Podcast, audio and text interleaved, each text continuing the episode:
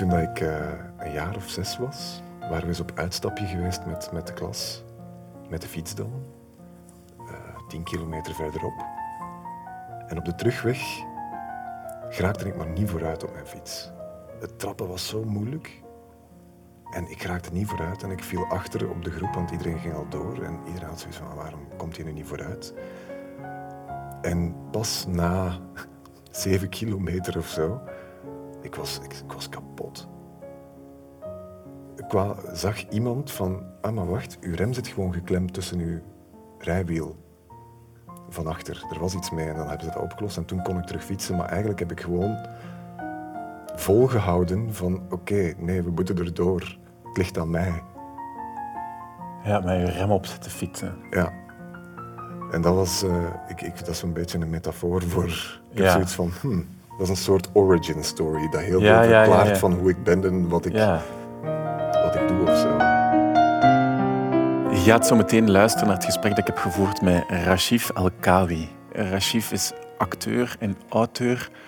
Ik kan hem niet anders dan omschrijven als een, als een bijzonder minzaam man. Dat is echt het woord van ik vind dat het, dat het hem past als een op maat gemaakt kostuum. Dat hij ook droeg, denk ik, tijdens het gesprek. Echt een heel fijn, fijn warm gesprek. Wat vond jij van het gesprek, Tom?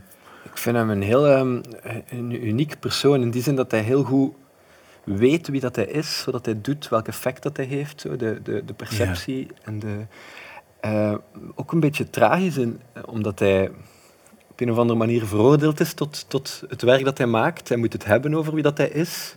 Ja. Is, eh, Over zijn afkomst moet hij het hebben. een bastaard ook. Hij is bezig met hoe komt... eh, hoe perciperen mensen mij met mijn kleur in deze maatschappij of met mijn naam en hoe moet ik mij dan gedragen als ik dat wil tegengaan. Dus hij is daar allemaal heel bewust van tegen zijn goesting eigenlijk. Dat maakt het een beetje tragisch. Ja, ja want hij wou daar eigenlijk vanaf. Hij dacht na de toneelschool, ja, Ja, ja en ik kan zin- gewoon acteur zijn, een mens zijn. Ja, Blijkt niet.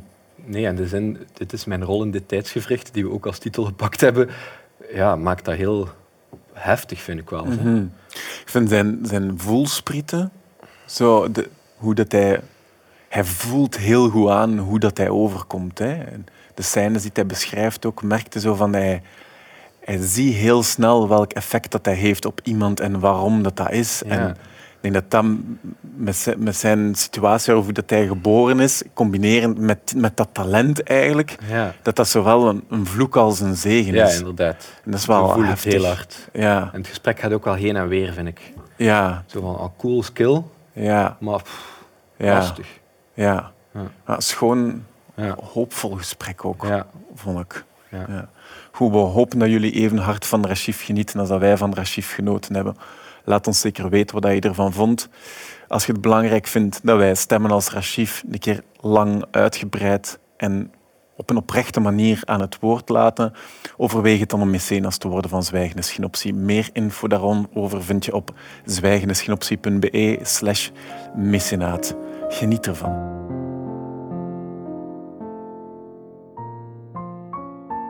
Om voor zo jong te zijn nog, jij, wij, nu ongeveer even. Maar we zijn even oud, denk ik. Ja, ongeveer, hè? ongeveer. Hè? 88, Ja, hè? Ja, ik heb 88. van 86, ja. Alright. Dus ja, dezelfde. Is het toch zot hoe, hoe vlot dat, dat hè, met de plekken waar dat je mee samenwerkt, hoe, hoe vlot dat, dat gaat. Dat lijkt zo... Ook Ja. als je historiek leest, dat is zo gelijk mes, mes door de boter. Zo. Dat leest dat. Serieus? Ja, dat, dat leest. Maar ik weet niet of dat zo was. Hè? Ik heb... eh,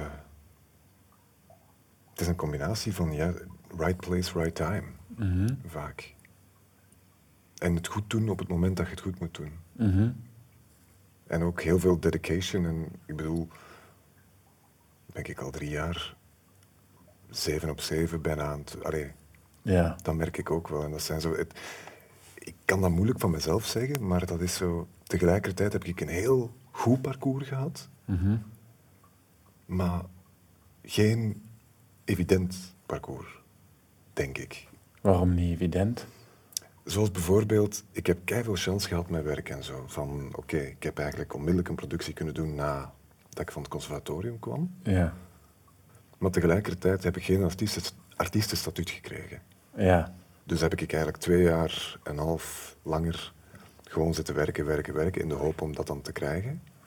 Maar dat is dan weer flagrant afgewezen. Terwijl dat heel veel mensen waar ik dan mee afgestudeerd ben en die ook in het veld zijn gaan werken, die hebben dat dan wel gekregen. Ja. Dus ik ben verplicht geworden om zelfstandig te worden. Ja, ja wat dat Dus veel meer eigenlijk- precair is dan eh Ja, en op zich, het, het gaat mij goed. Ja, Maar dat was een verplichting. ja.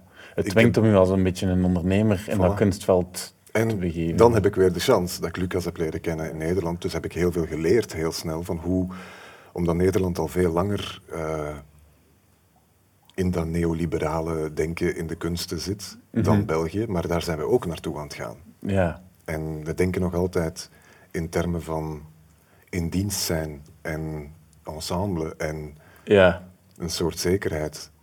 Daar zit Vlaanderen nog in, in dat denken, maar eigenlijk de realiteit is niet meer zo. Dat is wel interessant. En wat is die realiteit dan naartoe aan het opschuiven? Echt naar echt allemaal zelfstandige kunstenaars, mini-ondernemers Ja. die zelf een wel. puzzel moeten leggen. Dus ook minder op subsidies kunnen vertrouwen. Ja. En het erge aan Lucas de Man is bijvoorbeeld dat hij tegelijkertijd... Het is een, het is een moeilijk figuur, want je love hem or je hate hem. Hij is ook gewoon een heel erge persoonlijkheid. Maar het feit dat hij het doet met zijn stichting Nieuwe Helden, zij hebben minder dan 40% gaan zij op subsidie. Amai. En al de rest is gewoon vanuit eh, andere fondsen, privéfondsen, eh, vakoverschrijdende dingen. Ja. Dus eigenlijk samenwerkingen met bedrijven of samenwerkingen met andere partners. En it works for them. Ja. En ze doen dat keigoed. Dat heeft natuurlijk ook gevolgen. Ja. Maar het probleem met Lucas is that he's doing it. Ja.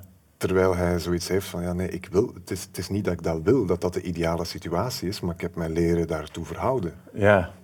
Dus nu wordt hij aangehaald als voorbeeld van de neoliberale kunstenaar. Ja, terwijl van hij iets wat hij niet wil. Ja. Van, nee, ze hebben, je, je wordt gedwongen, if you want to make it, word je gedwongen om dat neoliberaal denken te omarmen. Ja. Alleen neoliberaal, dat is ook een woord dat ik eraan geef. Ja, oké, het- maar het, het schetst het. Schetst, een eh, schets. Ja. Je wordt ertoe gedwongen. En if you succeed in it, you become part of the problem. Ja. then you're fucking it for everybody else. ja, ja, ja. ja, dat is uh, een reden voor het beleid om te zeggen van zie, dat werkt van het op die manier te doen. Dat is Stakhanovisme. Ja. Van Stakhanov kan het, dus de rest Ja. moet het ook kunnen. Ja. En dat is een beetje het probleem met Lucas, want nu is hij het voorbeeld van, zie je wel, het werkt. Ja. Terwijl hij zoiets heeft van, ja, nee, het zou niet moeten werken. Ja, ja, maar waarom zou het niet moeten werken? Wat, wat, wat is er op tegen? Omdat je natuurlijk, daar, daar komen gewoon toegevingen in. Bijvoorbeeld, ze hebben een project gedaan met de Rabobank over bankieren. En wat ze daar rond gemaakt hebben, dat was niet Lucas zelf, dat was andere nieuwe helden. Ja.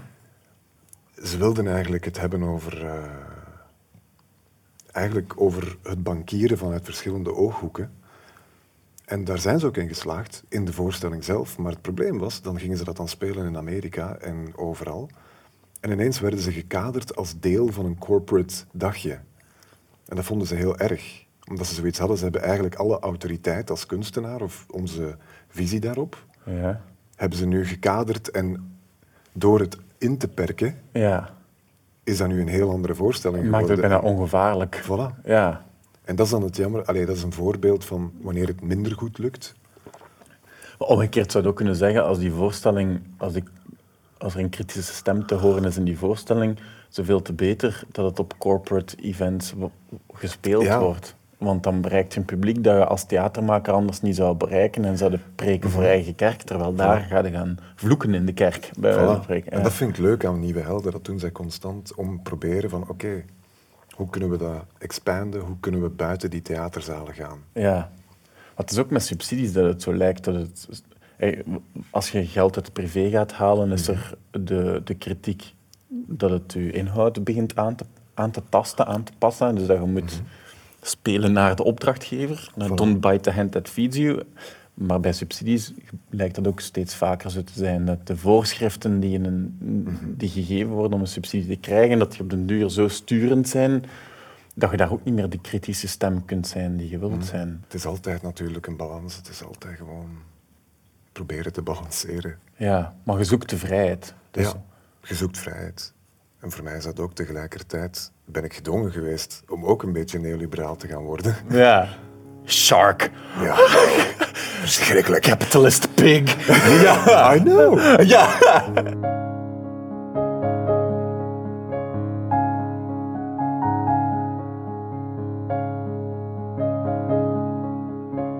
Een hemd aan. Ja. Maar dat heeft andere, dat, dat, is, dat is iets dat ik gecultiveerd heb. Ja, ja is Ik hou er ook van. Ja. Ja. Van de verzorgdheid te zien. Ja. You have to. If you have this face, dat helpt. Ja? Dit helpt omdat ik dus ook heel veel les geef, dan ook aan bedrijven. Ja. Voilà, ik zeg het, hè. Ja. Echt sharp. Daar ga je al, ja. Nee, ik doe dat wel heel... doe dat wel graag. Ja. Maar, if you have this face, this beard, Ja. Zorg maar dat dit oké is. Ik kan mij niet permitteren om casual te zijn. Ja. Want mijn casual Is niet mijn casual. is niet jouw casual. Ja. Ja. Dat is zot. Het gaat eigenlijk allemaal over dat uw zijn een statement is. Mhm. Je bent altijd afhankelijk van de context. Ja. Ja. Voor u meer wel dan voor mij. Meer. Ja. Allemaal, we zijn het allemaal in zekere mate. Ja. Maar als je Rashid El Kabi heet en je woont in, in België, meer. Ja. Op welk... Op, hoe oud waren als je dat dan beslist van... Oké, ik ga dit mijn een kostuum beginnen... Ja, ik heb dat eigenlijk altijd leuk gevonden, kostuums. Ik heb dat altijd knap gevonden. En, eh, maar ik besefte dat ook gewoon. Van als je beseft dat de wereld op een bepaalde manier op u reageert, begint je daartoe te verhouden. En dan moet je beginnen nadenken over, oké, hoe kan ik ervoor zorgen? Ik kom voor eh, een farmaceutisch bedrijf en ik ga daar presentatietechnieken geven. En dat zijn allemaal witte oude mannen met een ongelooflijke staat van dienst en ongelooflijk veel diploma's. En ik ben een 28-jarig jonkie dat nu komt vertellen wat ze allemaal verkeerd doen wanneer ze spreken voor een groep. Ja. Moet je gewoon mechanismen inbouwen. Want uiteindelijk beslissen wij, we hebben onze beslissingen al klaar over mensen in de eerste minuut dat we elkaar zien. Hoe lang denk je dat wij onze aandacht kunnen houden? Zonder dat daar werk aan vasthangt, zonder dat daar beloning of straf aan vasthangt. Hoe lang kunnen wij nu, anno 2000, het onderzoek was van 2016, Ja. kunnen wij ons concentreren? 20 minuten. Go down. Laag? Drie minuten. Drie minuten. Drie minuten kunnen wij ons concentreren zonder dat daar straf of beloning aan vasthangt. Dus eigenlijk vanuit intrinsieke interesse. Dat is drie minuten. En hoe lang denk je dat dat tien jaar geleden was? Ja, sowieso langer. Eh, een half uur of zo. Twaalf minuten. Twaalf minuten. Ik, ja, blijf toch optimistisch. Heel optimistisch. Ja. Heel optimistisch. Maar eigenlijk door alle prikkels dat wij krijgen, door, omdat onze prikkels zo vermeerderd zijn, de, de gemiddelde mens krijgt ongeveer zo'n 6000 boodschappen per dag binnen. Dus geschreven boodschappen, verkeersborden, alles wat informatie is, gesproken, ongeveer 6000. Dus wij filteren zoveel en wij zijn zo snel met een indruk te maken van iemand. Het gebeurt allemaal in die eerste in die eerste minuut beslissen we eigenlijk al, is die persoon de moeite waard om mijn aandacht in te investeren. Ja. En daarom dat ik ook ben beginnen nadenken van, ja, welke indruk wil ik geven en tegen wat wil ik vechten? Tegen welke indruk, te- tegen welk vooroordeel of tegen welke impressie wil ik mij verhouden? Ja. En Ja, want- door mij te kleden, vaak zoals ik mij kleed, ik vind dat een teken van respect. Ja. Ja. En vind het ook gewoon leuk. Ja. Ja, het is een combinatie. Maar het is een combinatie, ik vind dat tof, maar Ja. tegelijkertijd is het ook, het, het vrijwaart mij ook. Want als ik het niet zou aan hebben, zou het heel lang duren wanneer ik ergens aankom op, kom op een plek, als ik moet gaan werken of ik moet gaan spreken, of ik kom dan op een eh, bedrijf aan. Mhm. Ik moet niet buiten gekeken worden, ik moet nog komen waar ik moet komen. Ja. dus dit soort dingen helpt mij. Kunnen ze wat minuten overslaan? voilà, Hey, kunnen we ja. wat, kan het wat sneller gaan. Ja. Hoe merkte dat? Dat dat niet zo is als je geen kostuum draagt? Ik was eens een keer eh, voor Drerry in de Nacht, dat Ja. stuk, had ik mijn hoofd geschoren, Ja. had ik mijn baard laten groeien. Ja. En was Cool. ik, eh, had ik gewoon mijn, mijn regular gear aan, dat had zo'n andere invloed. Niemand vroeg me nog om geld op straat. Niemand, eh, vaak werd je scheef bekeken wanneer dat je ergens binnenkwam. Dat was een totaal andere ervaring. En dat was maar twee maanden. Maar ik voelde gewoon dat alles rondom mij zich anders begon te verhouden. Dat is het eigenlijk, hè?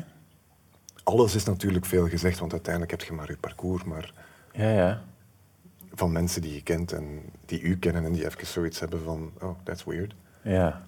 Maar vooral in de winkel, wanneer ik eh, dan ook nog lesopdrachten had, moest ik dat toch, toch even zeggen van, man, het is voor een stuk geen angst.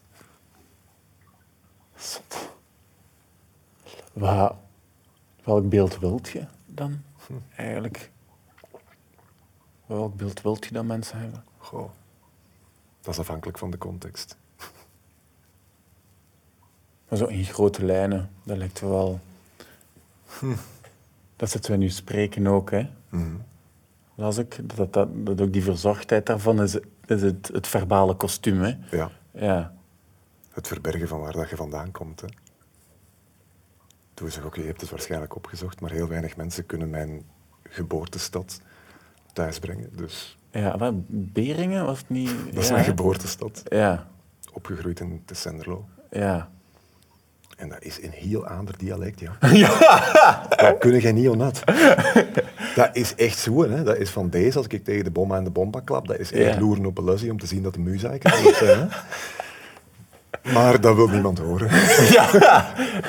Ja, maar dat is, wel een, dat is wel groot als je zegt eh, verbergen waar dat je vandaan komt. Wat dat je daarmee afwijst, eigenlijk, is wel, is wel groot. Hè? Dat je de nood voelt om dat af te wijzen ook. Ja, heb je daar zelf ook een... Is dat, is dat puur omwille van het oordeel dat je voelt bij andere mensen over die afkomst? Of is dat ook een, Goh. een eigen oordeel over waar dat je vandaan Ik denk een combinatie. Hoezo? Een combinatie in de zin van... Mijn moeder, toen ik klein was, sprak ze eigenlijk nooit dialect Ja. Is tegen mij. Dus ik had ook niet een heel uitgesproken dialect. En dat is dan pas in het middelbaar gekomen, dat je dan toch je streek overneemt en dat je het wel kan. Ja. Maar ik heb nooit echt heel dialectisch gesproken. Het conservatorium heeft er natuurlijk ook wel helpen uit, Ja. Meppen. uitmeppen. Maar ik vind het ook wel fijn. Ik hou ook van een verzorgde taal. Mhm. Dat is ook weer een soort van kunnen. Ja. Van, eh, ik vind dat mooi. Ja. Maar aan de andere kant ook weer, ik moet mij ook aanpassen soms. En ik heb de neiging om mij daaraan aan te passen. Als ik meer Antwerpse klanken binnenkrijg, zal ik ook wat meer Antwerpse klanken gaan, Ja. gaan produceren. Om niet te zeer uit de toon te vallen. Is dat dan de, de, de reden om, om niet te zeer uit de toon te vallen? Om zo zo een beetje chameleon-like, zo wat... eh, Een, een beetje. Een beetje, maar ja, dat is natuurlijk beroepsmisvorming. Hè? ja. Dat is heel erg beroepsmisvorming van weten van... Ja, dat is wel iets waar ik bij uitgekomen ben, dat daar constant over gaat, over perceptie en hoe verhoud je ten opzichte van perceptie en hoe kun je, daar, hoe kun je dat veranderen. Maar dan zijn je constant gelijk een beetje aan het acteren. Goh, het zal niet toevallig zijn dat ik eh, uiteindelijk in het conservatorium terechtgekomen ben. Ja, maar, maar ook daarbuiten, dat lijkt mij ook wel vermoeiend te kunnen zijn. Mhm. Dat dat daarbuiten ook zo is. Ja. Wat zou de vraag, wie is de, wie is de echte Rachif? Zo, wie is dat? Ben het mij over mezelf aan het afvragen. Weet je dat van jezelf? Nee, wel, Je ziet ja. heel veel verschillende versies van jezelf. Mhm. En er is wel iets dat constant blijft. Daar ben ik wel, ik zeg niet dat ik mij moet transformeren of dat dat moeite kost, want er is altijd een deel van mezelf dat dat aspect is. Maar ik merk gewoon wel dat, dat er bepaalde dingen gegroeid zijn, zoals als ik naar een, een bijeenkomst zoals deze ga, heb ik zoiets van, ja, nee, nu ga ik niet gewoon eh, een Adidas-trui aandoen of zo. Ja, dat zou ook wel kunnen, hè? Dat je zo als reactie op die perceptie Ja, zoiets gaat hebben van... Dat kan ook. Fuck you. Dat kan ook. Ja. Dat is dan weer het, het, dat half-half zijn dan, hè. Niet het een, niet het ander. Altijd ergens tussenin en nu altijd moeten verhouden ten opzichte van... ja. Iets dat anders is, eigenlijk Mhm. altijd, dan dat jij dit. Want Ja. je mama is Vlaams en je Ja. papa is Marokkaans. Ja. Het is wel interessant vind in de dingen die je maakt, hoe dat je dat zo lijkt te dissecteren zo, over verschillende projecten heen. Mhm. U, zo, alles wat identiteit is. Dat je zo de, eh, met de man islam, dat je zo de, de, de mannelijk, mannelijkheid dissecteert. En dat zit nu ook in, in Bastaard. Dus het is ook de bedoeling van dat daar ook over te hebben.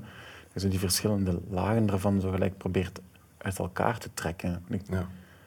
mij afvragen als ik dat lees, waarom dat, dat, ja, waarom dat, dat is.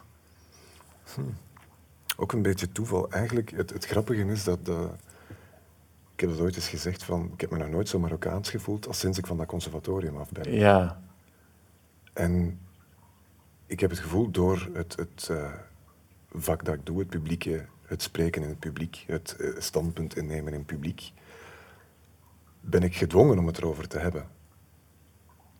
Of geen werk. dat is ook een Ja? stom ding. Dat is het vreemde daaraan. We zitten nu in een tijdsgevricht waarin dat er gewoon superveel beweegt. Op sociaal vlak, op maatschappelijk vlak. En kunst blijft daar een weerspiegeling van. En ik had nooit gedacht dat ik er mij zo zou tegen moeten verhouden. Ik dacht juist toen ik het conservatorium gedaan had van en nu zal het eens gedaan zijn. Ik heb hetzelfde doorlopen als wat iedereen doorlopen heeft. ja. En nu zal ik eh, dingen doen om wat ik kan en niet om wat ik ben, maar eigenlijk is het tegenovergestelde. Want uiteindelijk word je altijd ingezet voor iets. Wat is dat dan? Je wordt voor een, eh, een theaterproject is altijd een, een gezamt kunstding. In een zekere zin. Niet in de letterlijke betekenis, maar dan... Wanneer Junior en Fikri over de Syrië-strijderproblematiek maken, eh, een voorstelling maken, Reizen Jihad toen, Ja. Dat was eigenlijk mijn kantelvoorstelling, dat ik me niet meer gebruikt voelde. Omdat ik daar merkte dat dat ook... Sorry, dit moet ik even terugspoelen. Hè. Wat ik eigenlijk bedoel is, ik was niet van plan om de allochtone acteur te zijn. Ja. Maar ik merkte dat door mijn naam en door mijn gezicht, dat ik wel altijd gevraagd werd voor dat soort rollen, die onlosmakelijk met mijn identiteit verbonden waren. Al dan niet identiteit. Ja, gepercipieerde identiteit. Voilà. En, en ik heb dat even moeilijk gevonden, maar toen vond ik daar, heb ik daar de waarden in. Bij Reizen Jihad heb ik eigenlijk de klik kunnen maken van mezelf van, ah ja, maar wacht. Dit heeft nut. Dit is nu het nut dat ik moet dienen. Omdat ik merkte dat we moeten het erover hebben. Tegelijkertijd denk ik van, moeten we het weer daarover hebben? En bij Reizen Jihad merkte ik toen, ja, we moeten het er nog over hebben. Hoe merkte dat? Aan het publiek, aan de publieksamenstelling, aan het publiek dat normaal nooit naar het theater ging, die wel een aansluiting vonden nu. Bij de thematiek, bij de aanpak van Junior en Fikir, omdat zij ook al een hele lange tijd bezig zijn. En ineens besefte ik van, oké, ik probeerde mij altijd weg te houden. Ik probeerde mij weg te houden van wat de kunst was. En ik merkte door mezelf erin te betrekken, dat die connectie makkelijker ging met een publiek. En dan heb ik ook gezegd van oké, dit is nu mijn rol in dit tijdsgevricht. Dus dan zal ik die ook zo goed mogelijk vervullen.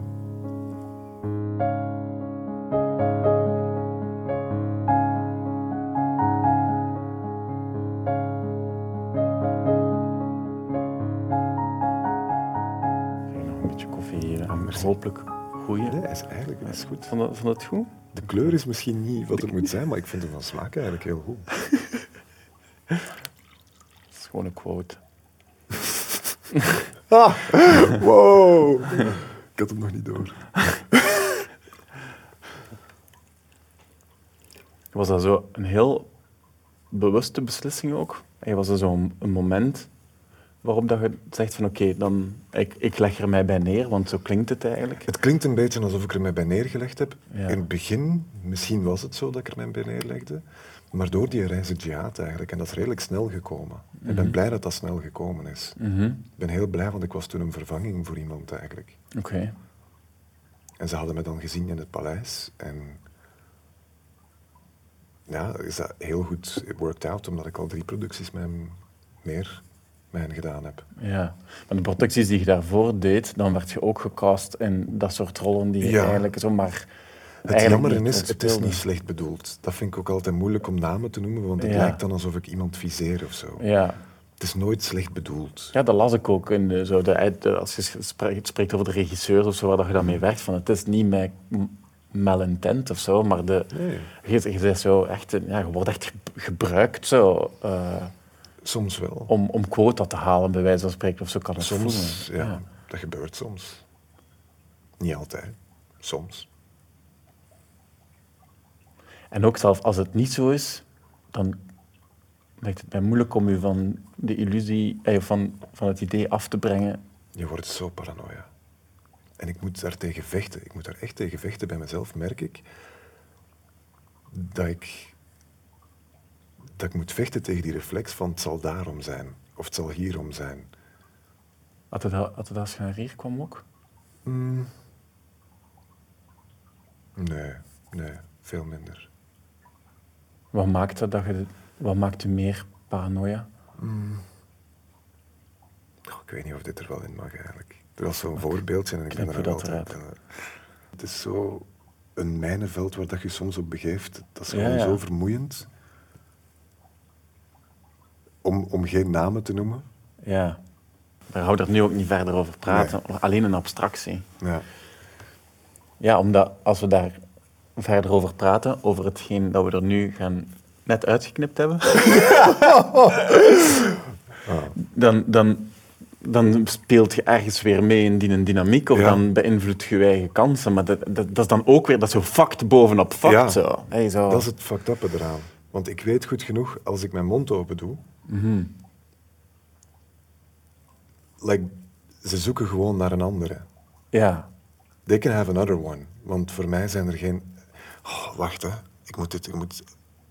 Sorry dat ik het daar zo moeilijk... Want ik weet dat dit mooi is natuurlijk om dit erin te houden. Nee, nee, maar daarvoor doen we dat. Niet Nee. dat jij het wel mooi vindt als je het Ja. uiteindelijk ziet en dat het een accurate weerspiegeling is van u. Dus we zijn hier niet om quotes te rapen. Nee, maar ik snap, ik snap dat ook wel. Dat ik eigenlijk, te veel, eigenlijk geef ik te veel wat ik niet zou moeten geven. Want...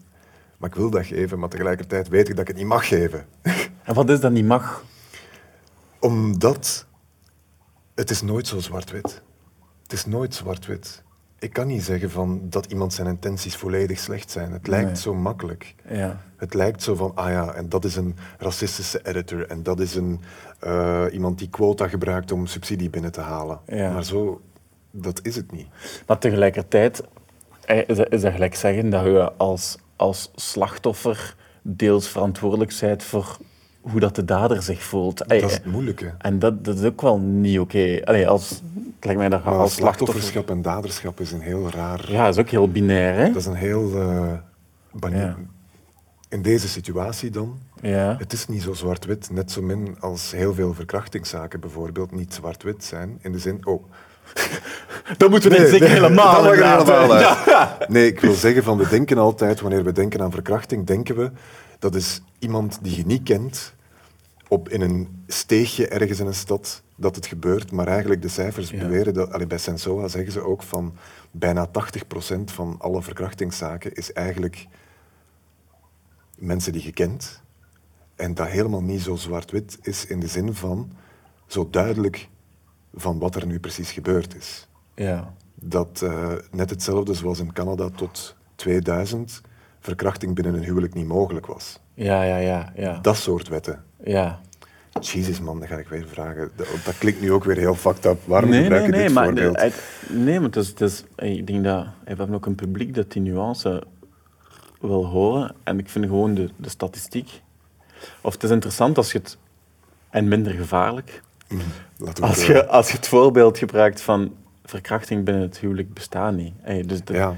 het, is, het is niet dat het altijd in de steeg is, maar het is Mhm. ook niet dat het niet kan als je getrouwd bent of zo. En dat is, Nee, dat voilà. is een, een veiliger voorbeeld. Dat is eigenlijk wat ik wou zeggen, van, dat Ja. ik hoorde van Sensoa, van, ja, dat de meeste verkrachtingszaken eigenlijk zijn wanneer die grenzen ook niet duidelijk zijn en dat sommige mensen zich een grens, een grens overschrijden en denken dat ze geen overschreden hebben, Ja. terwijl dat ze het wel gedaan hebben. Ja, Waardoor dat die zaken, het is niet zo, het is de stranger in het steegje. ja, ja, Meestal niet. ja. En dat is ook Ja. net hetzelfde met het hele slachtofferschap, daderschap. Neemt je werk aan om jezelf te beteren en what are you serving? Mhm. Stapt je mee in iemand anders zijn verhaal en weet je welke rol je daarin vervult? Mhm. Doet je dat bewust, doet je dat onbewust? Het is wel het, is, het, is, het is interessant omdat het zo complex is en dat het niet zo binair is. Het is ook wel redelijk problematisch dat we daar niet zo vrij uit over kunnen praten. Nee. hè. Dat, dat, dat, voelt wel voelt me zo als tegelijkertijd heel belangrijk, moeilijk, dus tijd nodig. En anderzijds zit er zo een loden deken over, dat je zo wat... Ja, hier staan camera's op. Wat, wat als dit eruit gehaald wordt en dit kunnen we allemaal... Zo gelijk de ruimte om luid op te twijfelen die, niet meer, die er niet meer... Die er veel minder is vandaag de dag of zo. Op een moment dat we het juist zo nodig hebben. Goh, daar zijn veel redenen voor. Hè? Omdat we gewoon in een heel... eh, heel veel onderwerpen zijn beladen. En heel veel onderwerpen zijn ook gewoon de moeite om het over te hebben. Maar tegelijkertijd is het een emotioneel... Het is heel vaak een emotioneel discours. Ik heb het gehad over waarop concentreren we ons? Wat neemt onze aandacht en wat houdt ons vast? Ja, Dat is vaak die emotio- een emotioneel verhaal zal altijd meer blijven hangen dan een feitelijkheid. ja, We linken gewoon, het is gewoon, Harvard is daar nu mee bezig, op dezelfde golflengte zitten, is ook een fysiek proces. Wanneer iemand een verhaal vertelt, en de persoon die dat vertelt is het allemaal aan het meemaken, komen terug die stoffen vrij die in die excitement vrijkomen. En als dat verhaal goed verteld wordt, zal de luisteraar dezelfde stoffen vrij krijgen in de hersenen. zalig. En gevaarlijk. Ja, maar dat is wel interessant om te weten. En in onze 21ste eeuw, door de overvloed aan informatie die we krijgen, kiezen we ook gewoon... We haken in op personalities, we haken in op wat ons emotioneel iets doet. En ik denk dat dat altijd zo geweest is. Ja, waardoor dat als je een maatschappelijk debat hebt over een bepaald thema, dat hetgeen dat komt bovendrijven in onze geesten, hetgeen waar we het meest naar luisteren, zijn de emotionele outbursts van mensen daarin. En niet zozeer de, de droge gesprekken erover, om het, Het- nu het zijn de- te trekken. De, de, de feiten zijn zelfs minder van belang dan wat men voelt.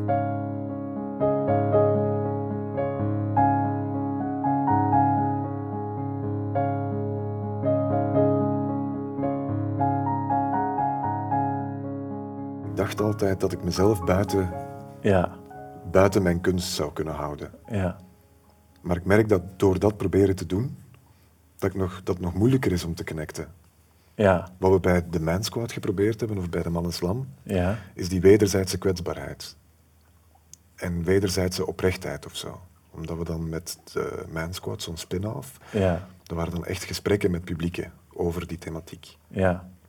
En de teksten die we daarin voorbereid hadden, dat was elke dag een andere tekst. Dus eigenlijk een aantal teksten en naar gelang de context moest jij kiezen als performer welke gaan we vandaag doen, welke fietsen we erin, welke niet. En dat werkte heel vaak. Des te opener je als performer bent, des te meer een publiek zich ook de neiging gaat hebben om zich open te stellen. Als we het dan over een publieks, Ja, ja, ja. publieksspeler eh, context hebben. ja. Ik las dat, je- dat je verwoorden ergens als je, uw nek tonen. Ja. Zoals honden, dat is soms iets dat we te weinig doen, denk ik. Wanneer honden, een roedel honden, dus eigenlijk het, het, niet noodzakelijk het gezag erkent, of maar vooral een fout erkent, de nek tonen. Van oké, bijt mij maar, my bad. Want dan gaan we dat meestal ook niet doen. Dan moet je al echt een hele slechte mens zijn. Ja, ja. Er is niks mis met een fout toegeven. Het is ook de macht die je dan gelijk verlegt. Of zo. Ja. En hoe, hoe cynisch ik soms ook kan klinken, de natuurlijke neiging van de mens is niet om te bijten. Wanneer iemand anders oprecht de hals toont. Merk ik naar ervaring. Maar we denken dat het zo is. Waardoor dat we het niet doen. Ja. Ja, ik vind het, dat je dat ook wel gedaan hebt. Zo, dat je dat ook leest als het gelijk over mannelijkheid gaat. Maar wel minder, gelijk als we het nu hebben over het voorbeeld waar we het niet meer gaan over gaan hebben. Dat je dan... eh, over die, die unmentionable. Ehm, dan niet. Ik vraag me af, waarom? Dat is een plek waar dat je ook in zo'n gebeurtenis ook kwetsbaar bent of gekwetst bent. En dat je, dan ga je daar niet zo vrij uit over praten of dan toonde je nek gelijk niet. Is dat dan om andere mensen te beschermen of is dat dan om jezelf te beschermen? En is dat Ja. dan- Ik denk Ja. een combinatie. Ik heb dat ook heel vaak van. Ik vind dat moeilijk van. Als er bijvoorbeeld op KVS kritiek komt of zo. van eh, de Kawan-verbreding en een nieuwe stemmen binnen het theater. Ja. En de uitwerking daarvan, bijvoorbeeld op het project Malcolm X, ja, daar zijn kritiekpunten op. Absoluut. But they're trying stuff. Wanneer ik dan andere organisaties zie die ook in een grote stad zitten en geen enkele moeite doen om iets te proberen, Ja. soms wordt iemand op de poging afgerekend, Ja. denk ik. Ja. Te vroeg. Te vroeg. En ik denk, misschien zijn het stappen die we moeten zetten. Kan het niet onmiddellijk... Het is opvallend hoe voorzichtig dat je bent. Ik ben een voorzichtige mens. Ja. Ja, zot. Dacht ik niet, eigenlijk. De- ik- nee, ik denk, het, het lijkt alsof dat, dat, dat zit ik nu te denken, dat als je de tijd krijgt om iets op te schrijven en je woorden te wekken en te wegen voordat je ze publiceert, Ja. dat dat dat een stuk comfortabeler is voor u dan nu, waarin dat je praat en je moet praten en dat elk woord is zo... is, het is eruit, weet je. En dat, ik vind dat zo... Dat lijkt me zo kut om daar zo mee, om daar zo mee bezig te moeten zijn. Ja. Want ik voel ook wel zo'n... Ja, niet, ik- ja, er zit ook vuur in. En het, is, het voelt alsof je dat ook helemaal niet zou willen, eigenlijk. En nu, van daar zo voorzichtig in te zijn. Ja, tegelijkertijd wel en tegelijkertijd niet. Ik, ik ben, dat is gewoon een beetje een aard van beestje. Ik kan heel lang mijn eigen gevoel uitzetten. En vooral luisteren naar de rest. En dan kan ik denken, zelfs in ruzies, dat is om gek van te worden met mij, dat ik vaak luister van, ah ja, ja ik snap het. Ik snap wat ik verkeerd Ja, ik snap het. Ik snap het. Maar daar heeft degene die met u aan het ruzien is, heeft daar niks aan. Die wil iets, ja. Want daar zou je dan verwachten dat ik dan mijn eigen gevoel tegenover zet, maar ik sla er dan op, op, op tilt. Ik En- ben heel geneigd om te luisteren Ja. en dan ook te denken van, ah ja, dat is waar. Omdat Als ik het bijvoorbeeld, als ik eens streng ben tegen iemand of als ik eens eh, iets zeg dat mij geïrriteerd heeft, Ja. Ik voel me daar slecht van. Ik kan me daar zo slecht van voelen. Waarom? Goh, we het Freudiaan... allee, waarschijnlijk een totaal gevoel van minderwaardigheid, waardoor, dat ik, eh, waardoor dat ik vind dat ik niet het recht heb om iets te voelen. Ik weet het niet. Ja, je zegt het half lachend, maar dat is wel niet zo om er mee te lachen. Nee, ik weet het, ik weet het, maar ik weet het ook niet. Ja, maar je zegt dat niet per toeval. Nee, ik heb er ook al vaak over gedacht van, Ja, waarom voel ik mij zo slecht als ik eens op mijn strepen sta? Of Ja, wanneer dat ik eens, want eh, eh, iedereen rondom u doet dat wel tegen u Ja. en daar heb je niet echt iets tegen. Je gaat er gewoon in mee en je snapt het, maar omgekeerd pakte die ruimte niet. Dat is het hele ding. Ze zeggen zo van, voelt je op het podium, allee jong, dat er zoveel mensen naar je kijken.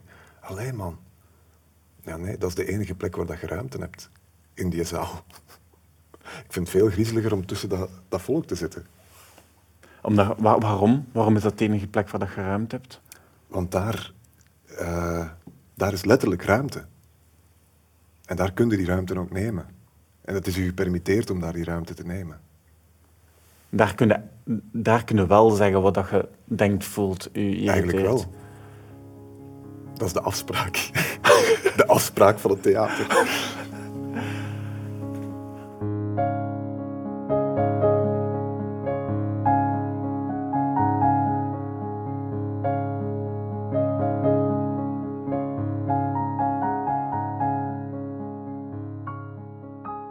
Heeft dat te maken, denk je, met dat, je, dat je, je vader niet zo aanwezig was? Dat dat zorgt dat je zo... Dat je ook weet dat je het zelf moet fixen of zo, en dat, dat niks een probleem mag zijn of zo? Ik, ik denk, het zal er wel mee te maken hebben. Ik wil niet alles tot mijn vader Ja, leggen. dat ik vind dat heel... eh, Deterministisch, hè? ja, dat is heel ambetant. Mhm. Dat die mens altijd blijft opduiken. Ik ben blij Ja. dat ik het nu eindelijk eens ga aangaan, want ik heb Ja. ook heel lang geprobeerd om er niet mee bezig te zijn. Ik voel wel van, ik moet er gewoon Dat, dat is eigenlijk hetzelfde, hè? Ja. Ja. Dat is- Eh, wat wil ik nu zeggen? Nee, ik weet. Er is wel gewoon... We hebben altijd een heel klein kerngezin gehad. Mijn grootouders hadden dan één dochter. Mijn moeder heeft één zoon. Dat is altijd een heel klein gezin. Heel weinig steun gehad. En is altijd wel een soort... We regelen het... eh, Niet we regelen het zelf wel, want dat klinkt... Maar, maar dat hulp vragen is nooit echt... eh, dat heb ik wel niet echt meegekregen. Om hulp je moet het zelf kunnen fixen. Mhm. En niet op een negatieve manier, want ik heb eigenlijk een kei fijne kindertijd gehad. Ik was kei verwend. In one way. Ja. Maar ook tegelijk altijd bewust van dingen. Mijn moeder heeft mij altijd heel, eh, heel open met mij gecommuniceerd altijd. Nooit iets proberen te verbergen of, of van oké, dit is hoe de dingen zijn. En op zich heb ik een keigelukkige kindertijd gehad. Mhm. Ik heb keiveel toys gekregen. Allee, ik bedoel, kei fijne dingen mogen doen altijd. Maar er is altijd een soort bewustzijn geweest van hoe de wereld is. ja, niet zorgeloos. Nee, misschien is het niet zorgeloos, maar misschien was ik ook geen zorgeloos kind. Ja. En ik weet niet of dat aan mijn vader ligt of aan dat ik gewoon bepaalde dingen opmerkte of dat ik gewoon bepaalde dingen zag. Mhm. Ja, ik vind het wel nodig om, om daaraan toe te voegen als je dat zegt, gewoon om een accuraat beeld te hebben. Dat je op, dat je, ik denk als je elf dat je al zei Mhm. tegen je vader dat hij niet meer moest terugkeren. Hij- Als je praat over hoe dat jij je jeugd beschrijft, Mhm. dan is, is- lijkt dat feit Mhm. lijkt een eiland ergens veraf te zijn, terwijl dat het er ook wel middenin zit. Tuurlijk, dat heeft er allemaal mee te, te maken. En daarom dat ik ook zeg wat ik in het begin van ons gesprek ook zei, van ik heb tegelijkertijd een heel goed parcours gehad en tegelijkertijd zijn er ook altijd dingen geweest die tegengewerkt hebben. Mhm. Hoewel dat, als je het gewoon even oplijst, kei leuk parcours. En het grappige, ik was zo op Theater aan Zee, was er zo'n... eh Nieuwe Helden had daar The Village gemaakt, zo'n soort wandeling doorheen een deel van Oostende. Mhm. En dan eigenlijk een beetje geschiedenis. En ze hadden dan van kinderen een soort lijst gemaakt. Dus nu kinderen, wat zijn hun slaagkansen in de toekomst? En dat waren dan allemaal van die feiten, van die eh, scholingsgraad van de ouders, eh, familiaal. eh, een soort opsomming van wat zijn de factoren die ervoor zorgen dat een kind gaat slagen of niet gaat slagen. Ja. En dan was ik zo aan het luisteren daarnaar. Dat was dan een podcast. Die je dan, dat was een soort wandelroute met een podcast. En dan kwam je ergens in een afgesloten ruimte. Waarin dat je dat dan kreeg. Dan kon je een huisje binnengaan. En dan kon je een kind kiezen. In dit huisje zit dan dit kind. En eens kijken wat zijn de percentages van dat kind. En ik was daar zo slecht van. Dat ik echt zoiets had van als je mij gewoon puur in, in statistieken zou gieten. I should not be where I'm at right now. Maar die statistieken pakken zoveel ook niet mee. Ja, ik heb... eh, mijn vader was niet echt een geweldige vader. Dat is heel veel shit dat daarvan gekomen is. Maar die statistieken vermelden dan niet dat de liefde die ik van mijn moeder en mijn grootouders gekregen heb, dat dat wel gecounterd heeft. Snap je een beetje wat ik bedoel? Ja, ik, ik voel ook een, ik voel zo gelijk ook een, een, een kwaadheid daar tegenover. Ja. Alsof dat die statistieken ook zo tegen u zeggen van je moogt niet of zo. En dat je zo... Ja, ik vind dat moeilijk. Dat is ook weer, en weer al die perceptie. Ja.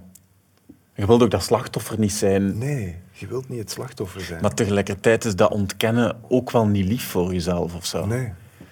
Dat is moeilijk, want ik vond het heel moeilijk om dat bij de man in slam, om het daarover te gaan hebben. En het was helemaal niet mijn bedoeling om daar een heel traject van te maken. Om mijn persoonlijke zozeer ook als inhoud van, van het artistieke te Je vindt het aanstellerig. Ik vind dat moeilijk. Ik heb daar, maar ik merkte wel, net zoals ik bij Reizen Jihad merkte, het nut van, de, het nut van die thema's te theatraliseren en, en het erover te hebben, ook op theatervlak, ook in andere uitingsvormen. Was dat voor mij ook zo van, nu dat ik mijn persoonlijke verhaal gebruik als inzet van het artistieke, resoneer ik gewoon met heel veel mensen. En kan ik niet meer ontkennen van ik heb het geprobeerd om het niet te doen, maar nu moet ik het wel, nu moet ik wel door.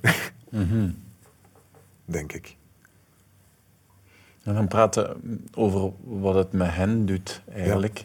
Wat, wat het met u doet. Wat, Want dat is uiteindelijk wat je, wat je wel wilt.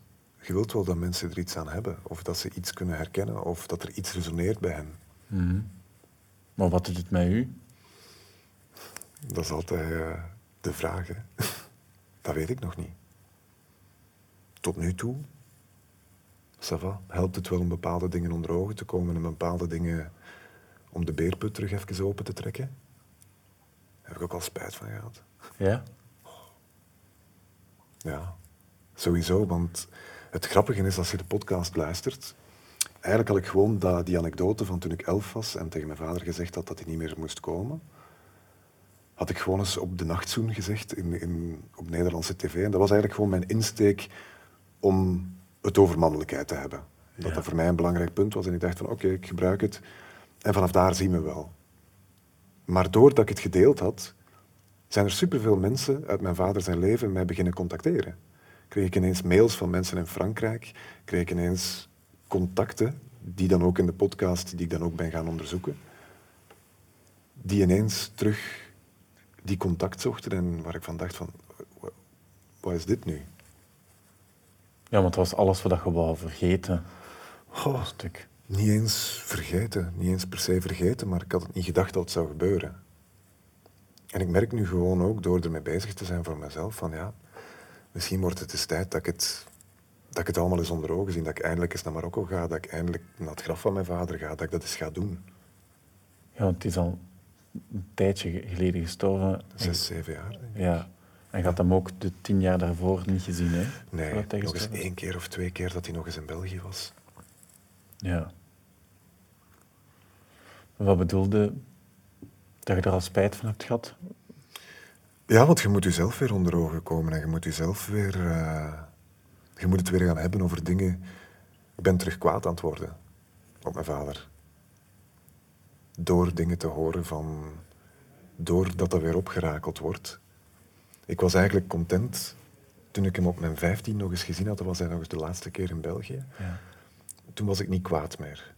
Toen hadden wij nog een gesprek en ik heb toen geprobeerd, oké, vanuit mijn tienerbrein, maar toch, geprobeerd om een gesprek te voeren, een- een man-to-man conversation of father-to-son conversation.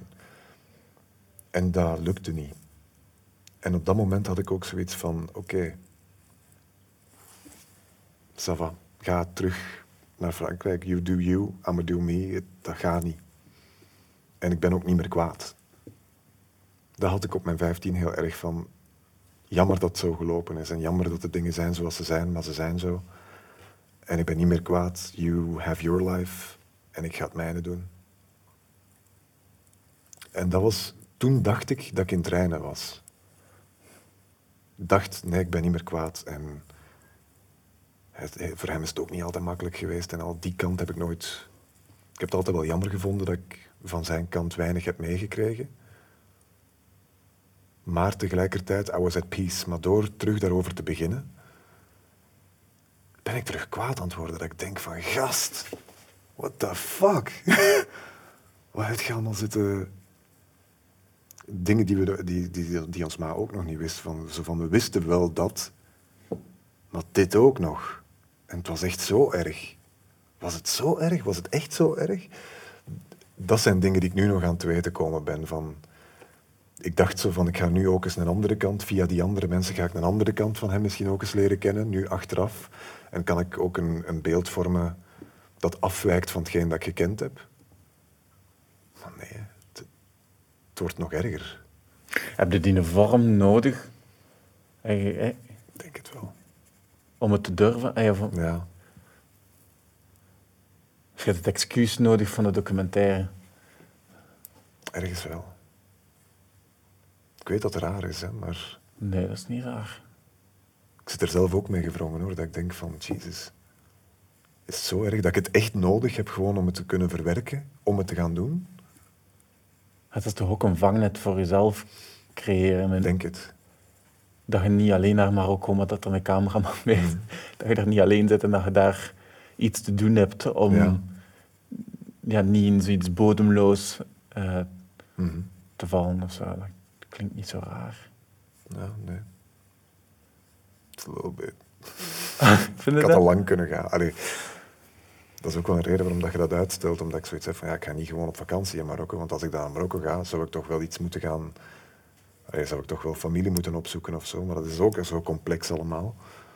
Dat ik dan ook denk van, Jezus. Waar heb je schrik voor dat er gaat gebeuren? Als je dat...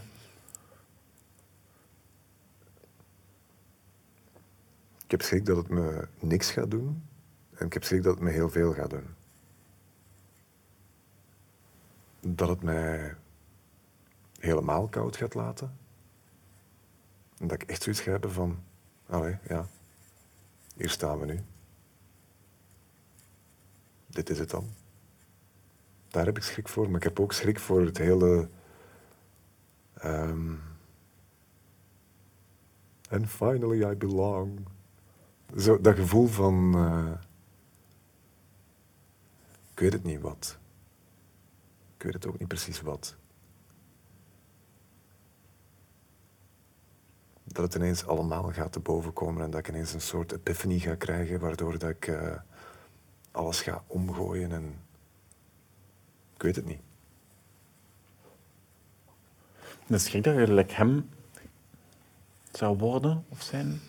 Ik weet dat ik dat ben. Ik heb aspecten van hem die heel duidelijk van die kant, allee, van hem komen, gelijkenissen. Net zoals dat je zegt. eh, eh, ik drink niet, maar niet noodzakelijk uit een religieuze overweging of zo, maar vooral omdat ik weet wat het kan zijn. En dat ik dan dacht van, hm, hoe zou dat bij hem begonnen zijn? Want wat ik hoorde, is dat hij tot zijn 19, totdat hij naar de mijn gestuurd werd, eigenlijk een superbrave jongen was. En dat hem in de mijn heeft, in die, eh, ja, in die omgeving heeft leren zuipen. En dat het vanaf toen zo die richting is uitgegaan. Dat ik ook zo dacht op een bepaald moment van, hmm, wat was dat? Want die melancholische aard dat ik heb of zo, ik weet wel dat dat vandaar komt. En hij, hij verdronk alles. Dus ik vraag me af, eh, heb ik ook dat neigingetje? Maar dan ben ik dan weer extreem dat ik dan denk van, ah ja, nee, maar dan, Ja, je bent je constant aan het verhouden ten opzichte tot. ja je, zei, je, je zei extreem, maar het is, het is ook zo'n gebrek aan vertrouwen in jezelf, dat je denkt dat je niet één glas kunt drinken en dat je, ey, dat je denkt dat, dat, dat je dan Nee, daarmee dat, dat zijn ook nog, er zijn ook nog andere redenen voor waarom. Maar dat werkt ook wel voor mij. Mm.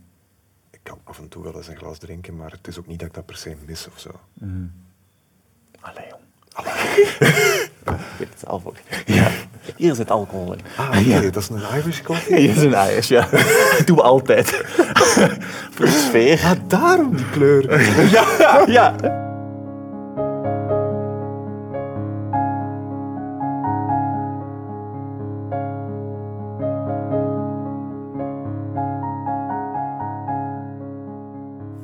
Ja, waarom is dat eigenlijk niet zo'n harde... Gewoon niet zijn zo... "Arr." Ge- geworden door hetgeen wat je hebt gedaan. Dat is wel interessant. Dat je- dat-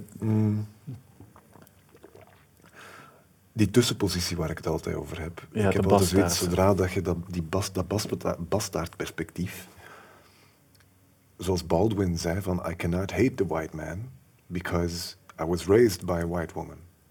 Door zijn nanny dan. Ja. Eh, Baldwin, eh, James Baldwin. Zat in I Am Not Your Negro, een documentaire, ja, zo'n ja, quote. super vet. Super mooi. Amai. En ik ook niet. I cannot hate anyone because I am. I am both.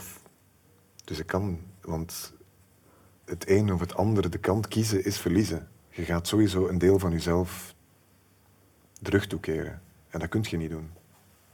Er zit zo'n zin in Janus, denk ik. Mhm. Ehm, ik ben losgekoppeld, want ik ben altijd verbonden. Ja. Dat, ja. ik snapte die niet goed. Nee, omdat je Ja, niet die, die positie hebt. ja, Je bent altijd verbonden aan het een of het ander. Als je al in die binariteit zou denken. Maar zo wordt er wel vaak gedacht en zo word je ook heel vaak geplaatst. Maar toch sta ik er los van, omdat ik geen kant gekozen heb. Sommige mensen met mixed heritage die gaan eh, heel erg het een of het ander kiezen. Proberen heel erg bij dit te horen of heel erg bij dat te horen. En ik probeer dat juist niet te doen, omdat ik denk dat dat ook een identiteit is. Die bastaardidentiteit. En ik denk dat dat eentje is die meer en meer van tel zal zijn. Ik zie dat ook in, in cultuur. We zitten meer en meer in een soort bastaardcultuur. Waar high-low culture, die grenzen zijn allemaal heel vloe geworden. Dat wordt allemaal vermengd. En ik denk dat dat ook gewoon zich verder zet. We zitten in een soort bastaardcultuur waar overal leentje buur wordt ge- gedaan en dat is geen, geen kunstgreep meer, maar een way of working. Mhm. En een way of looking at things. Ja, dat is interessant. Ik denken, naar Stromae heeft daar een supercool nummer over. Voilà, ik vind Stromae Fuck, man. als bastaard, Ja. vind ik hem, eh, hij doet het. En je wilt het woord ook, je wilt het woord veranderen, hè? Of je wilt de, Ja. de lading ervan... Mhm. Dat was nu wel in, de, in die een tekst specifiek of zo. Mhm. Ik vind dat gewoon een, een interessant woord. Als we naar Game of Thrones kijken. Niet gezien. ah, oké. Vertel. De bastard. Dat is ook constant bastard. De bastard. Want eigenlijk heeft het vooral te maken met een buitenechtelijk kind. Dat is de originele betekenis. Ja. Een kind buiten het echtelijke bed. Ja. Maar ook voor halfbloeden wordt het ook gebruikt. Oké. Of ook voor dingen die niet meer zuiver zijn. Wat zuiverheid dan ook mogen zijn. Mhm. Wat wil je doen met dat woord dan? Ehm nou, de lading eraf nemen. That is not a bad thing, per se. Ja, daarmee aanvaard je wel zo ook een stuk dat je zo... Ja. Maar je moet het, omarmen, je moet het eerst aanvaarden voordat je het kunt veranderen. Ja? Misschien. Oeh, maar dat was ineens een hele beladen uitspraak. Moet je het, daar heb ik het altijd moeilijk mee gehad. Van, als je tegen een systeem zet, zet je altijd reactionair, nooit revolutionair. Dus eigenlijk, dat is altijd zo de discussie. Gaat je het systeem van binnenuit veranderen? Gaat je eerst zorgen dat je in het systeem zit om het dan te kunnen veranderen? Of gaat je er buiten zetten en het van buitenaf proberen te veranderen? Ja. En ik weet niet of welke, wat nu de juiste insteek is. Ik voel mezelf altijd meer van ik ga eerst in het systeem en dan zal ik wel proberen daar verandering in te brengen. Maar ik weet ook niet of dat een juiste manier is. ja. En tegelijkertijd zijn ze zo kritisch naar jezelf aan het kijken, waardoor dat je dat dan hypocriet noemt, wat dat je doet. Soms. Ik ben, tot nu toe ben ik nog overtuigd, ik ben kritisch genoeg op mezelf om te weten dat, het, dat ik het niet doe. Dat ik het tot nu toe wel in een soort ethisch besef en ethisch handelen heb, mijn parcours heb gedaan. Zou er liever iemand zijn die zich buiten het systeem zet en daar... Dat kan ik niet. Dat is dat hele bastaardperspectief. Dat is dat hele van... Ik kan me daar niet helemaal buiten zetten, want ik ken verschillende kanten. Maar zou het willen? Goh. Als we het dan hebben over die biculturaliteit, als we het daarover hebben... I have no tribe. Ik heb geen tribe, dus ik kan mij niet buiten het ene systeem zetten om mij te scharen in een tribe die tegen dat systeem zit. Ik kan dat niet helemaal, ik kan dat voor een deel. Maar nooit helemaal. Dat is weer, dan komen we ook weer bij dat heel alleen zijn. Mhm. Dat is wel iets dat ik, eh, waar ik het de laatste jaren moeilijker en moeilijker mee krijg. De sense of belonging. Vind ik moeilijker en moeilijker aan het worden. Waarom? Mm, ergens accepteert je dat je er buiten staat, buiten bepaalde dingen. Je accepteert dat wel, maar dat wordt moeilijker. Dat wordt moeilijker in de zin van, als mijn grootouders, die zijn ook niet meer jong, en ik voel gewoon hoeveel dat er nog gaat komen. Dat je merkt van ja, maar wat als je backing nodig hebt? En als dat gaat komen, Klinkt dat zo de... Ja, ga ik blijvend... Het klinkt alsof dat uw nek tonen, Mhm. wat dat je doet, dat, dat met het wegvallen van uw grootouders ooit misschien en het verdwijnen van die kleine belonging die je hebt, dat dat ook gewoon iets is dat altijd maar gevaarlijker gaat worden of zo. Ja, misschien is het dan, misschien is het de angst dat uiteindelijk iemand wel eens gaat bijten. Ja. En wie gaat er dan... Mhm. En het idee dat er dan niemand gaat zijn. Misschien. Allee, ik heb wel een netwerk of zo. Het Ja, is ja. niet zo erg, maar, maar zo. Als we, het is omdat we het hebben over die kern, dat kerngezin of whatever dat mogen zijn. Ja. dat is wel heel belangrijk. En ik bedoel, ik heb een relatie en ik heb vrienden en Ja, ja. It's all good. Maar als je zo echt naar de bare bones of dingen gaat, dan, dan ja, als er eens iemand bijt, gaat niet veel roedel zijn die, die niet veel, misschien een paar, maar Hoe denkt u dat, dat, hoe denkt u dat die belonging voelt? zo? Wat, wat, hoe dat dat voelt. als je daarover spreekt, dan zit daar kleur in. Mhm. Alsof dat je je goed kunt inbeelden wat dat, dat is. Mhm, Omdat je dat ook wel, hebt dat in zekere in periodes, als je een tiener bent en je bent eh, in een bepaalde crew en die, dat kameraadschap of zo, dat voelt wel als us against the world. Ja, En dat zijn zo van die gevoelens dat je krijgt van belonging.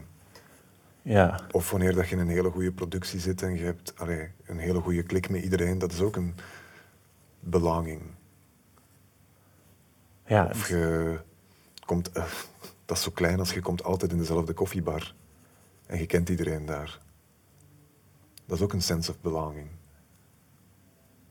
En het is dat Maar dat als de wereld. modus vivendi. Ja, ja, ja, ja. Ja, want je beschrijft het als us against the world, terwijl hetgeen wat je de hele tijd doet, is jezelf in the world zetten. De ene plek waar dat je dat niet voelt, net dat je dat hebt. Ja. Nou, ik, heb het, ik ben er ook nog niet uit hoor, dat belonging, maar ik- het is een woord dat ik zo laat, het laatste jaar zo wat meer, dat dat meer en meer in mijn hoofd begint te Ja, ja. spoken. En vooral de afwezigheid daarvan. Ja. Maar ik denk ook niet dat dat iets ingebeeld is of zo. Want dat, dat is gewoon als je, als je rondloopt, zeker in, in, in, het, in het Witte Vlaanderen zo. Ik probeer daar met dat zo. Ik kan echt zo helemaal overal complexloos bewegen. Weet je, je bent overal op je plaats. Zo.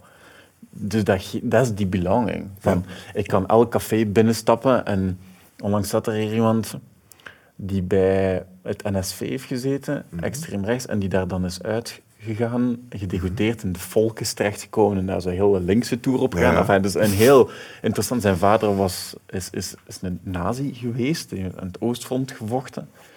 En die was aan het vertellen over de, eh, een aantal Gentse cafés waar dat hij ehm, soms naartoe gaat.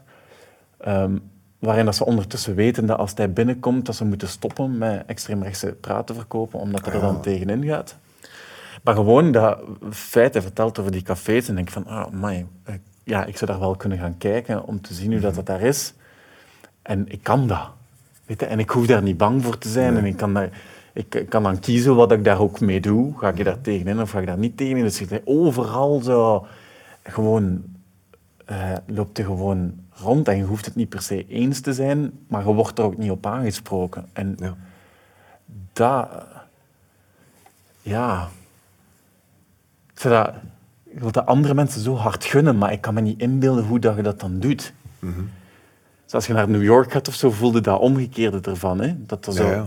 Dat die complexiteit zo ja, omarmd lijkt te worden. Allee, dat, dat voelt voor mij toch anders. Ik weet niet hoe dat... dat... Ik ben nog niet in New York geweest, maar Zijn er plekken waar, dat je, op, waar dat je komt? Brussel waar dat heeft dat dat- wel een beetje, vind ik. Ja. Brussel heeft dat een beetje. Ja.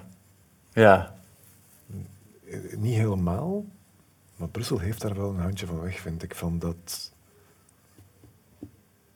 De complexiteit ja, de complexiteit als standaard. Ja. Ja. Het grappige was, we waren, eh, eindelijk heb ik deze jaar naar, eh, dit jaar naar Japan gegaan, Uh-huh. naar Tokio. ja. Vond dat zalig. En ik weet ook niet waarom hoor. Ik ben heel gefascineerd door dat Japanse. Omdat het een eilandcultuur is die ongelooflijk veel heeft opgeslorpt en dat zo heeft omgevormd dat het zich iets nieuws geworden is. Ja.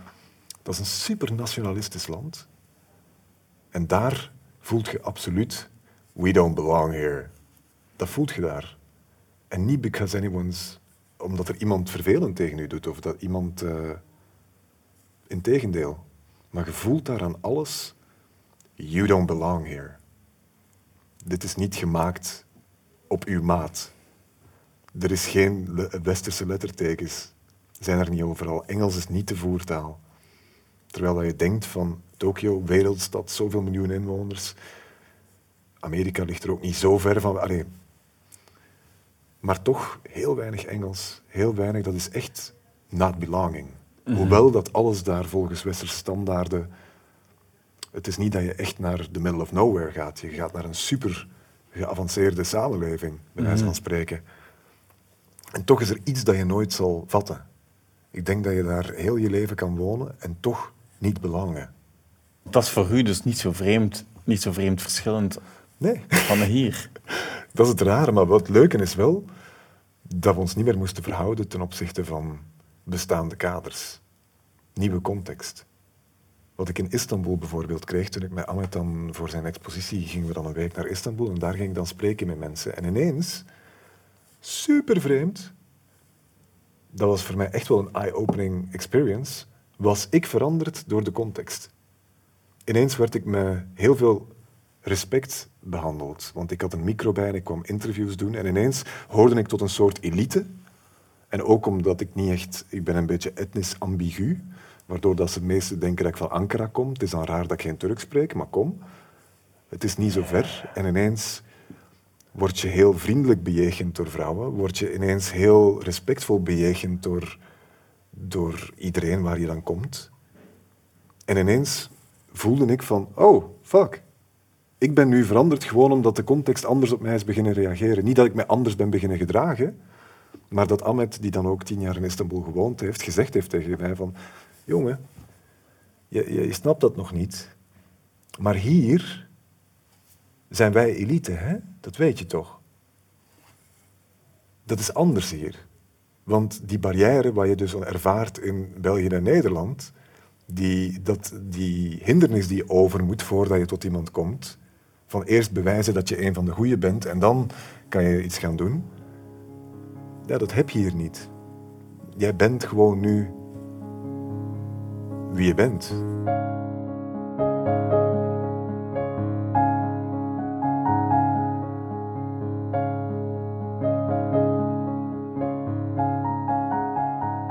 Als ik jihad van liefde doe op theater, Ja. Ik doe dat ja, omdat ik dat zie zitten, omdat ik het leuk vind om dat soort stukjes te doen, omdat ik daar ook mee mocht aan creëren. Dus dat was fijn. Het moeilijke aan Mohamed El-Bashiri is dat hij tegelijkertijd super mooi is in zijn kwetsbaarheid, maar ook superveel uitspraken doet over maatschappij. Ja. Hij doet superveel uitspraken over maatschappij die niet altijd even gefundeerd zijn. Ja. Dus we zaten bij dat stuk in, in dubio van oké, we kunnen dat aanvullen, aanvullen met teksten van Rashida Lamrabet of van Rashida Aziz of van dat soort activistische schrijvers. En we merkten dat dat vreselijk moeilijk was. Dat zodra dat we die teksten daarin zetten, dat we eigenlijk Mohammed onderuit haalden. En dus zijn we uiteindelijk moeten kiezen voor een soort veel minder van dat activistische of dat... eh, en zijn we veel dichter bij Mohammed gebleven. En daar ben ik nu heel blij om dat we dat gedaan hebben, terwijl ik toen dat we het aan het maken waren niet die neiging had. Waarom niet? Dat ik het gevoel had dat we, wanneer we zo'n stuk doen, dat we verplicht waren. Allee, dat is dan zo'n soort eh, goh, deontologie of zo. Eigen deontologie van dat we dan het verplicht zijn als theatermakers om daar veel tegen te zetten. Maar uiteindelijk zijn we gekozen om het juist heel klein te houden en zacht, net zoals de toon van het boekje was. Ja. En ik ben er blij om dat we dat gedaan hebben, want het bereikt weer iets anders. En dat leer ik ook nog altijd. Wat bereikt dat dan? Juist wat Mohammed wou doen, in die zachtheid een soort verbinding zoeken. Ook al is het maar voor heel kortstondig en heel weinig. Ja, het is ook een, ik moet denken aan eh, in het systeem gaan en het daar zachtjes aan proberen Ja. te veranderen in plaats van er Ja. buiten te gaan staan. Terwijl ik op dat moment misschien meer de neiging had om te zeggen van mannen, laten we eens een keer... Laten we hem... Ja. eh, Niet hem per se viseren, maar wel Nee. dit gebruiken om nog andere dingen en steken te kunnen geven en, en harder te kunnen zijn. Want uiteindelijk, heel veel van de reacties van jongeren eh, tijdens de presentatie van dat boekje was van ja, allemaal schoon en wel, Mohamed. Heel leuk allemaal, maar nu zijn er wel de knuffel Marokkaan. En eh gezegd eigenlijk, het zijn niet uw community die die boekjes koopt. Mhm. Waarom word jij zo verkocht? Omdat je zegt, wat de gemiddelde Vlaming wil horen. Mhm. Hij is het schoolvoorbeeld van een van de goeie. Mhm. Maar natuurlijk heeft dat gevolgen. Hem is onrecht aangedaan. En hij neemt helemaal de... Eigenlijk heeft hij alle reden om kwaad te zijn. Maar hij is het niet en preekt over verbinding. Ja, dat is natuurlijk heel leuk. Dat is leuk om te lezen. Als je jezelf niet geviseerd voelt. Mhm. Maar heel veel jongeren die het gewoon super moeilijk hebben, met een gemengde achtergrond, die hebben zoiets van, ja oké, jij kunt dat allemaal wel zeggen, maar wij zitten wel met de shit. Met een systeem dat bijna gericht is op het ons moeilijker maken. Mhm. Ik ben natuurlijk geen jurist en zo, dus ik kan de systematischheid daar niet van... Nee, maar die is breed genoeg gedocumenteerd. Ja, ik denk dat ook. Ik voel het ook bij u als je het vertelt. Die, die, eh, ik moet denken aan een stukje dat geschreven over dat, eh, een column die je geschreven hebt over een woedend kind op een Antwerpsplein. Ja. En hoe dat de mensen daarop reageren en hoe moeilijk Ja. als maatschappij met woede kunnen omgaan. En dat dat ook het stuk is wat dat boekje dan doet voor die jonge gasten. Is dat het zegt van woede is niet oké. Mhm. Ja. Jij moogt niet kwaad zijn. Dat wordt nergens gezegd, maar zo voelt het wel. Ja. Dat was wel het gevoel dat die jongeren, want dat was tijdens een presenta- boekpresentatie in de Roma, dat daar toch wel jongeren hun kanttekening bij hadden van doordat jij nu wordt genomen als voorbeeld van, Ja, maakt je het wel heel erg moeilijk voor ons en ja, delegitimiseert je bepaalde dingen. ja. Dus ik dacht, dus ik- mijn intentie was eigenlijk, ik wou in de eerste plaats van kunnen we dat uitbreiden en proberen dat sentiment daar ook in te verwerken. ja. Maar dat was super moeilijk, want dan gaat je tegen de aard van die mens in. En uiteindelijk hebben we het niet gedaan en ik ben er blij om. Want op die manier zijn we wel die, die, het zalvende en het tragische. Het is een andere manier om mensen te bereiken. ja. Als ik op Theater aan Zee, ehm, dan, daar had ik redelijk veel te doen dit jaar. En dan, dan krijg je zo van die hele goed bedoelde commentaren van mensen. Van, ja, maar ik heb daar allemaal geen problemen mee hoor. Allee, ik ben daarvan geschrokken. Ik ben dit, dit weekend geholpen door, door iemand met een kleur op de tram. Die hebben mij geholpen. En dat wordt dan tegen mij verteld, alsof ik ineens de spokesperson ben voor eh, een hele bevolkingsgroep. En dan kan ik kiezen om te zeggen van wat je nu eigenlijk zegt. Je probeert een compliment te geven, maar eigenlijk is het ongelooflijk fout hoe dat je het nu aan het verwoorden bent. Of ik kan zeggen van, natuurlijk, eh, of ik kan daar even in meegaan, take the compliment, en iemand creëren die daadwerkelijk een nieuwe inzicht heeft gekregen. Dat klinkt zo arrogant natuurlijk. Nee, dat maar- klinkt helemaal niet arrogant. maar dat voelde ik dan aan van die commentaren dat mensen denken dat ze eigenlijk een compliment geven, maar eigenlijk in het compliment zit al een belediging. Ja, Of een anders zijn. Of een, een bevestigen van wat er eigenlijk aan de hand is. ja. En dan staat je als mens daar tegenover en dan denkt je van, ja, ja, ik kan nu ambetant worden op het feit dat je, ja, dat het helemaal geen compliment is. Dat is zo'n beetje het, het hele van, maar jij zijn een goeie. ja. Nou, ik, ik niet voor Marokkanen, maar, maar ja, u heb ik graag. Ja, maar jij niet, hè. Jij niet. Jij hoort bij ons. Heel raar. Het is interessant omdat zo een, een opsplitsing maakt tussen wat dat je... Je hebt enerzijds het effect van, u, van wat dat je doet, en anderzijds wat dat je echt voelt. En dat je eigenlijk een afweging maakt op het moment dat die mevrouw tegenover u staat en dat zegt van... Wat is er belangrijker? Wat ik voel en dat plek laten innemen in de wereld, Mhm. zijn dus eigenlijk, het is eigenlijk ongepast wat je zegt. Of is het belangrijker welk gevoel dat ik die mevrouw geef? Men, Soms. zo wat, denken aan dat je geen ruzie kunt maken of dat je, zo, Ja. dat je daarin zit. Dat, zo, dat, dat, dat, dat klinkt alsof er weinig dingen. Het klinkt alsof er veel dingen belangrijker zijn dan hetgeen wat jij voelt. Zo klinkt het. Ja, dat gevoel heb ik wel vaak. En dat, ja. Ik weet niet waarom ik moet aan dat verhaal van de zeesterren denken. Uit welk boek? How to be alive. Een- boek dat je ergens vermeldt. Ja, ja, ja van eh, het meisje dat eh Ja. een zeesterren terug de zee in. Ja, er zijn er zo honderden Ja. of duizenden aangespoeld of Ja. zo. En dat meisje ja, werpt er één per één terug. En die, die kerel zegt, haar opa, denk ik. Ja. Ja. Van waarom doe je dat? Je kunt ze toch niet allemaal redden. Ja, Maar het geld het is wel belangrijk voor die ene zeester. ja, ja zegt dat tegen die... Ja. eh, ja, Dat vind ik een mooie gedachte. Dat probeer ik mij vaak in te prenten. ja. Het is ook maar kunst dat we doen. Allee, het is Tuurlijk. Nee, dat is niet waar. Nee, maar het is wel de, de purpose boven je eigen leven stellen op een bepaalde manier. Hè?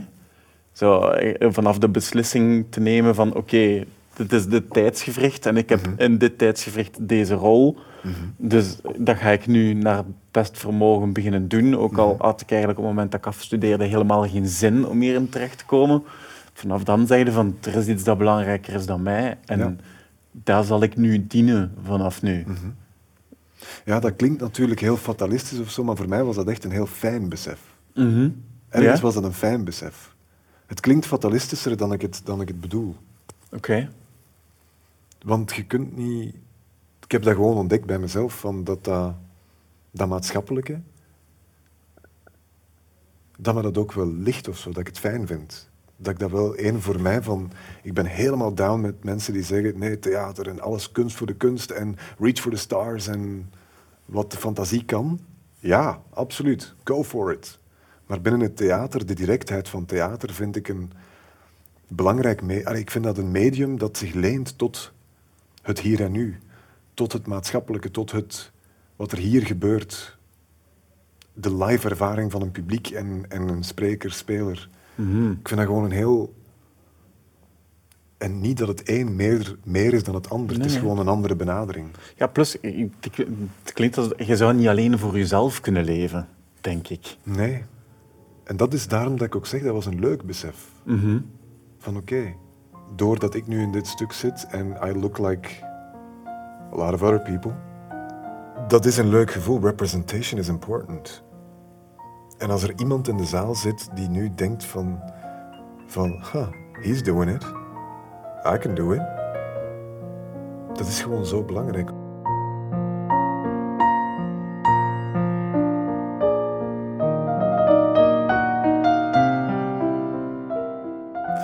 Rashif zegt het heel mooi op het einde van het gesprek. Hij zegt als, als er iemand in de zaal zit die mij ziet, mij bezig ziet en daardoor denkt, misschien kan ik ook wat dat Rashif doet, misschien is dat voor mij ook een optie, dan is dat voor mij hetgeen wat dat de moeite waard maakt. En ik denk dat ik daarom ook zo blij ben dat wij Rashif aan het woord hebben gelaten. Dus dat hij dankzij ons een podium bereikt of mensen bereikt dat hij misschien anders niet bereikt.